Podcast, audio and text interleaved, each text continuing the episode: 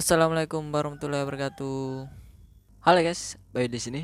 Ya, di sini saya akan mengisi suara podcast pertama saya. Nah, perkenalkan nama saya Muhammad Baik Kusuma, mahasiswa KPI IAIN Surakarta. Nah, kayak gitu tuh, potret seseorang yang selalu non sering nonton David Kejetin. Nah, tapi kita gak akan bahas itu, namun kita akan bahas tentang dampak Korea Web di Indonesia ditinjau dari konteks psikologi komunikasi. Nah, di Indonesia saat ini tuh sedang berkembang budaya yang merupakan uh, budaya kancah internasional gitu. yakni budaya Korea pop atau yang sering kita dengar dengan istilah Korean Wave. Nah, Korean Wave sendiri saat ini tuh benar-benar sangat mendominasi gitu para anak muda atau remaja saat ini. Yang pada umumnya mereka tuh menggemari tayangan drama Korea atau drakor. Terus adapun faktor lain yakni seperti di ranah musik yang menjadi daya tarik dari musik Korea sendiri itu ya dari uh, boyband dan girlbandnya mereka. Nah dari adanya drama Korea dan musik tersebut menjadikan sebuah influence bagi para remaja masa kini. Nah jika lo dilihat dari komunikasi interpersonal individu itu mulai tertarik dengan Korea itu bisa dari berbagai hal. Nah, saya telah menjabati riset dari teman-teman yang terkena dari dampak Korean Wave ini pun berbeda-beda. Nah, mulai ada yang diracuni temennya, maksudnya bukan diracuni kasih obat-obatan terus diracuni bukan. Di kayak dipengaruhi gitu. Nah, terus uh, ada pun juga itu yang suka sama personel dari girl band ataupun boybandnya dari Korea atau dari uh, aktor dari drama Korea gitu.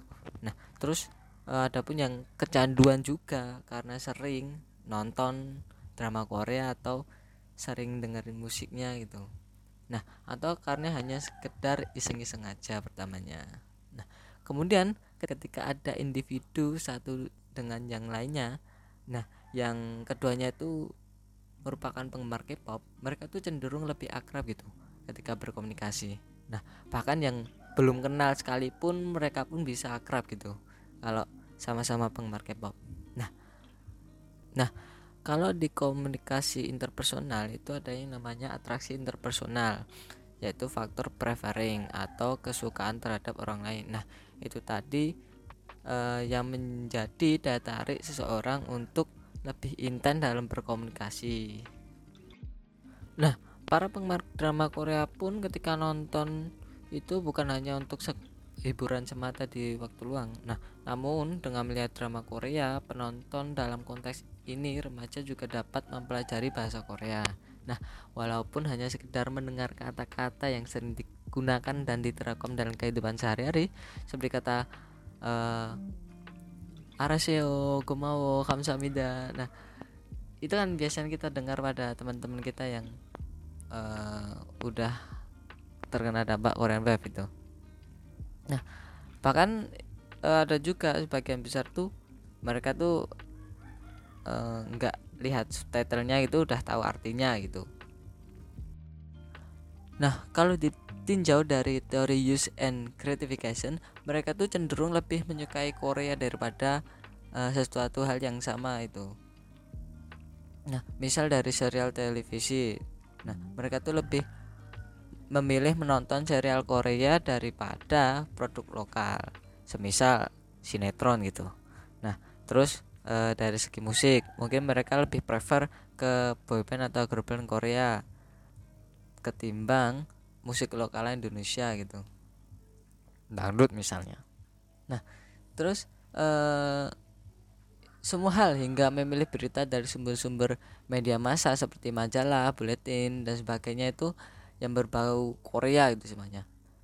Tapi e, kalau selagi itu masih berdampak positif tidak masalah. Oke lanjut. Korea sendiri juga bertujuan untuk menarik wisatawan untuk menjadikan Korea Selatan itu sebagai destinasi wisatanya. Nah, Hal tersebut bisa didasarkan pada bagaimana pengaruh dari Korean Wave ini, yakni dengan mengunjungi lokasi pembuatan drama Korea yang biasanya keluar di layar televisi. Nah, dampak dari Korean Wave ini tidak hanya pengaruh dari negara itu sendiri, melainkan dampak terbesarnya tuh ada pada negara yang terkena Korean Wave tersebut, misalnya di Indonesia. Nah, adapun dampak positif dan negatif dari Korean Wave tersebut di Indonesia. Nah, untuk dampak positifnya di antaranya yang pertama, mengetahui citra dalam dirinya. Nah, mengetahui citra dalam diri itu juga termasuk dalam konsep diri di persepsi interpersonal, yang di mana konsep diri ini menempatkan individu untuk mampu membentuk serta mengkonstruksi dirinya baik dalam pandangan diri secara subjektif, lingkup sosial yang ada di sekitarnya, maupun menanggapi berbagai penilaian orang lain atas penilaian terhadap dirinya kemudian menjadi inspirasi di dunia fashion. Nah, dengan adanya Korean Wave ini, para remaja memiliki sebuah patokan untuk mencontoh atau meniru cara berpakaian. Nah, dengan mengetahui perpaduan model dari idol yang mereka kagumi. Selanjutnya, manfaat emosional yang dapat membuat senang. Nah, ketika mungkin nonton drakor ataupun mendengarkan musik-musik Korea itu mempunyai sebuah uh, mood booster gitu bagi penontonnya atau pendengarnya. Nah, kemudian membuka peluang usaha baru. Nah, kemudian membuka peluang usaha mandiri. Nah, para remaja atau anak muda sekarang kan itu sudah tahu tuh apa yang dibutuhkan para K-popper K-popper itu. Nah, mereka dengan menjual beberapa aksesoris atau sebagainya yang biasanya dibutuhkan oleh penggemar K-pop. Di samping adanya dampak positif, nah ada juga dampak negatif yang ditimbulkan dari pengaruh K-pop tersebut. Nah, di antaranya yang pertama, fanatisme terhadap apa yang berbau Korea. Nah, para remaja itu cenderung terlalu menganggap apa yang mereka idolakan tuh paling benar tuh, paling baik di antara yang lainnya. Apa pun yang berhubungan dengan Korea, apalagi yang diidolakan mereka akan membelanya sampai bener-bener gitu. Kemudian sikap fans yang berlebihan. Nah ini yang sering kali uh, kita dapati. Adanya sikap halusinasi yang dapat diakibatkan dari terlalu berlebihan mengidolakan. Nah ini yang sering. Mungkin kita biasanya sering menjumpai oh canyol suamiku atau apa pun itulah biasanya yang kayak gitu gitu kan. Nah kemudian hilangnya kebudayaan lokal. Nah hal tersebut karena tergesernya akan adanya Korean Wave ini yang dianggap lebih modern dan tidak norak.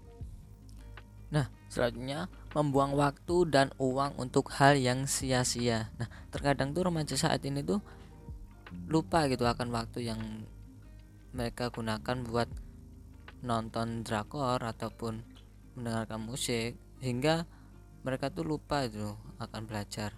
Terus lupa istirahat karena terlalu banyak nonton drama Korea. Kemudian membuang uang gitu buat membeli sesuatu hal yang tidak berguna gitu mungkin aksesorisnya atau yang lainnya. Nah mungkin itu dulu pembahasan tentang dampak Korean Wave di Indonesia ditinjau dari konteks psikologi komunikasi. Kurang lebihnya saya mohon maaf. Wassalamualaikum warahmatullahi wabarakatuh. Bye.